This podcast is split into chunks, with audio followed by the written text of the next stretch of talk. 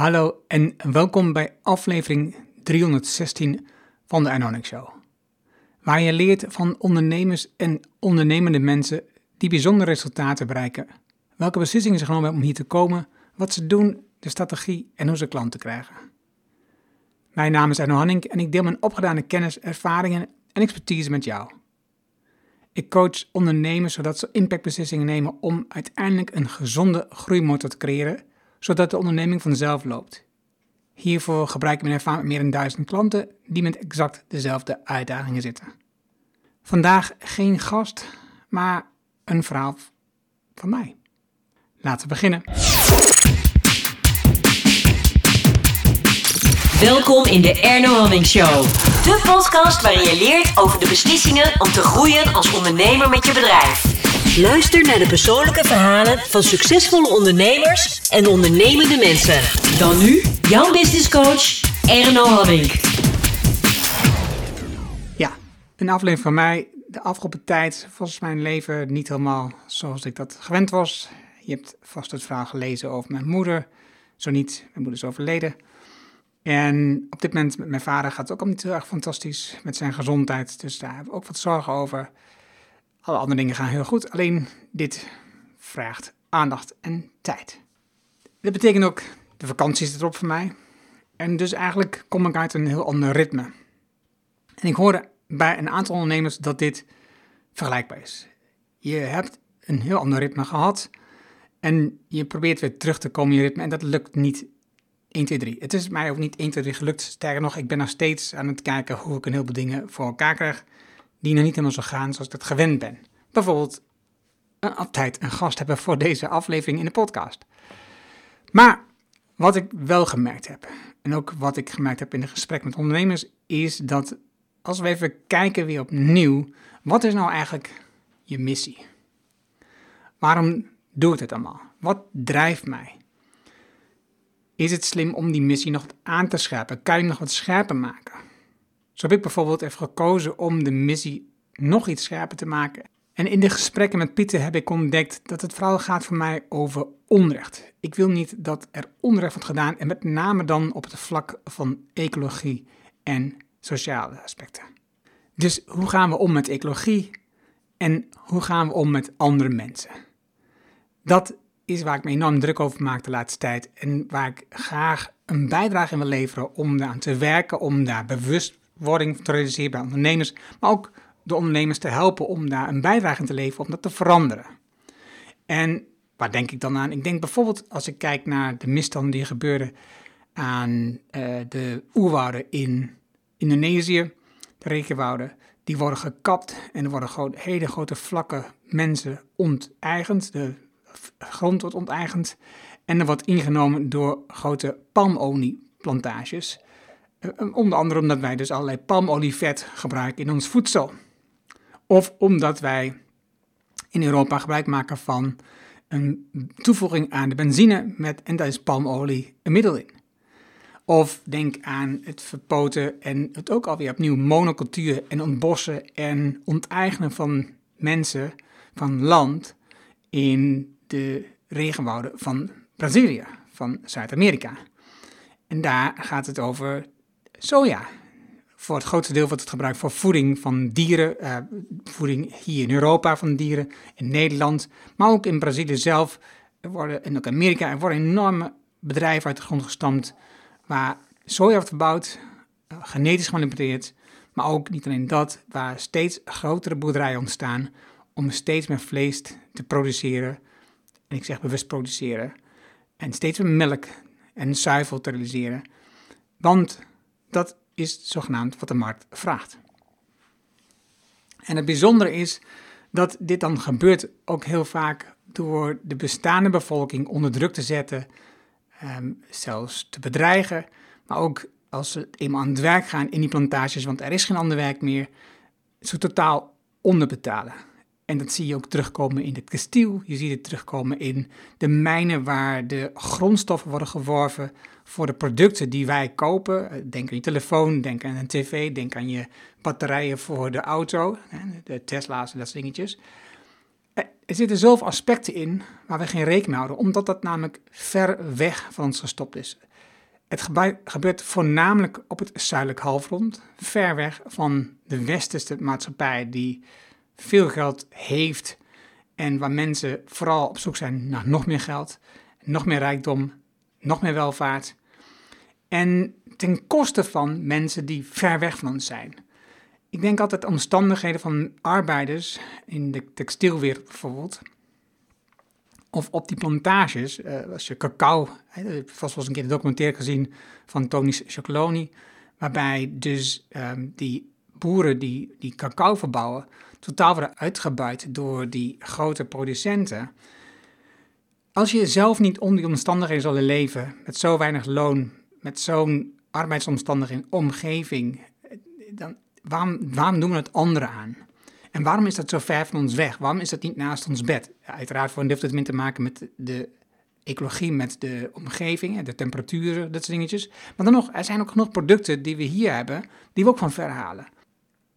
Wij als burger, als consument zijn medeverantwoordelijk, maar net zo belangrijk zijn de ondernemers, de CEO's, de overheid, al die partijen met elkaar zorgen ervoor dat we elkaar in stand houden, dat we samenwerken aan ja, de vernietiging van plek op aarde, en waar we ons ogen ook makkelijk voor kunnen sluiten. Want dat het zo ver weg is, hebben we het niet in de gaten. We willen het niet in de gaten hebben. Maar wat als jij als ondernemer nu op dit moment denkt, ik moet weer terug in het ritme komen, ik wil weer nadenken van mijn missie, net als ik. Waarom zou je niet een stukje ecologische en sociale ethiek en recht gewoon toevoegen? Het lijkt me fantastisch dat we met elkaar als ondernemers van kleine bedrijven samenwerken om ervoor te zorgen dat we dus dit terugdringen. Dat we veel meer ecologisch en sociaal rechtvaardig werken, de mensen eerlijk belonen, zoveel mogelijk grondstoffen gebruiken die al een keer zijn gedolven en niet opnieuw delven, geen nieuwe mijnen uh, maken, maar vooral gebruik maken van de grondstoffen die we hebben. Bijvoorbeeld, er zijn zoveel elementen waar je over na kunt denken in jouw keten die we kunnen verbeteren. En door samen te werken met andere ondernemers in gesprekken, maar ook door producten samen te maken of samen te kijken naar de afval die je met elkaar produceert en hoe je dat kunt ophalen weer en hoe je het terug kunt brengen in jouw eigen proces, scheppen we ruimte. Ruimte om ontwikkelingen te doen waar mensen gebruik kunnen maken. En ik ben ervan overtuigd dat jij en ik als ondernemer hier een belangrijke rol in spelen. Er zijn meer mensen die een rol in spelen, maar daar gaan we het even niet over hebben. We hebben het even over mij, ik heb het over mezelf. Wat kan ik hierin doen? Maar ook, ik heb het ook over jou. Wat kan ik doen om jou te helpen om dit te realiseren? Hoe kan ik jou helpen als ondernemer om na te denken over ecologisch en sociaal rechtvaardig ondernemen? En dat betekent dat je de hele keten bekijkt, elk, elke fase, elk project, elk, elke halffabrikaat, elke grondstof die je gebruikt in de productie van jouw product of in de levering van jouw diensten. Alles wat je me toevoegt, opnieuw kijkt, wat is er eigenlijk gaande? Waar komt het vandaan? Hoe zijn de omstandigheden daar? Hoe wordt het geproduceerd? Wat zijn de grondstoffen? Hoe gaan we ermee om? Wat is het effect van het milieu, op de ecologie, op die mensen die daar leven? Als we er samen naar kijken, ieder voor zich in een eigen bedrijf, maar ook samen met ondernemers, zodat je meer een vuist kunt vormen tegen ja, de overheid, of met de overheid misschien wel, in plaats van tegen, dat is denk ik beter. Uh, en, en, hoe je tegen de grote conglomeraten, tegen de grote bedrijven kunt optreden door samen te werken, door je eigen product te maken, wat zich onderscheidt van de massa, waardoor je een niche hebt, waardoor je specifiek product maakt voor een hele specifieke klant, waardoor jij hele specifieke kennis hebt over de behoeften en de problemen van die klant, maar ook over uh, ja, hoe je dat product maakt, hoe je dat product produceert en hoe je het product aanpast voor die klant. Dat zijn de kansen die we hebben om als ondernemer juist daarin het verschil te maken. Ik geloof erin met een aantal mensen waar ik nu mee samenwerk, bijvoorbeeld Pieter van Os of Jaap-Jan Brouwer of Tom van den Lubbe, dat wij als ondernemers, jij en ik, het verschil maken en dat we in staat zijn om ideeën te bedenken en niet alleen te denken, maar ook in uitvoering te brengen, want daar draait het uiteindelijk om, om vonken te realiseren in deze maatschappij in deze wereld op dit moment, zodat we die ommekeer kunnen maken, zodat we ervoor kunnen zorgen dat waar we nu tegenaan lopen met de huidige maatschappij, die vooral gebaseerd is op Anglo-Amerikaans model, waarbij het vooral gaat over maximalisatie van de winst, uh, de ultieme optimalisatie van het proces, alle kleine foutjes eruit, maar ook alle kleine rustmomenten uit, alle kleine momenten van verspilling wordt eruit gehaald, die uiteindelijk eigenlijk geen verspilling blijkt te zijn, maar ruimte blijkt om te herstellen.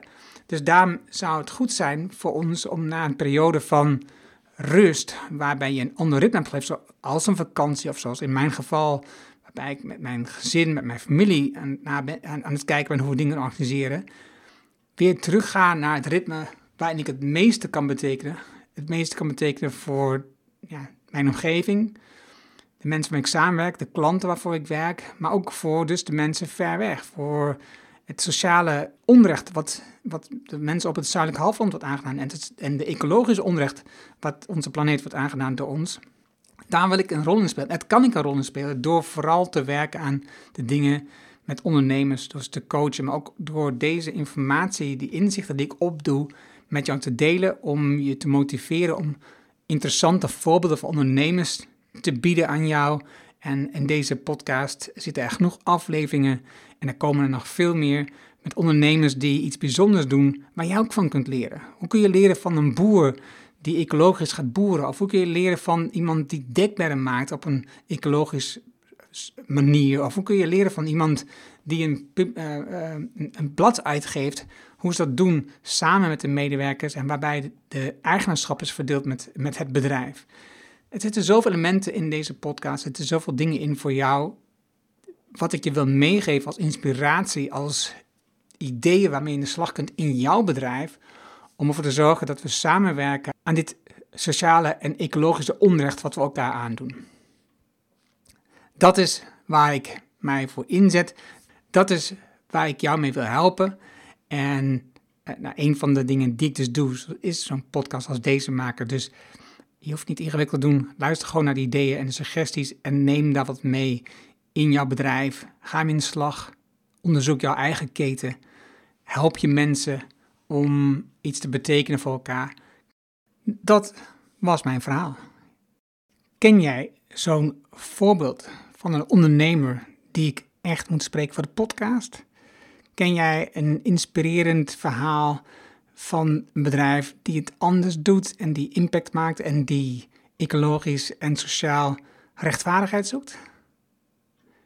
Stuur me dan een e-mail naar podcast.nhoning.nl en ik ga kijken of ik het in de podcast kan opnemen. Dankjewel alvast.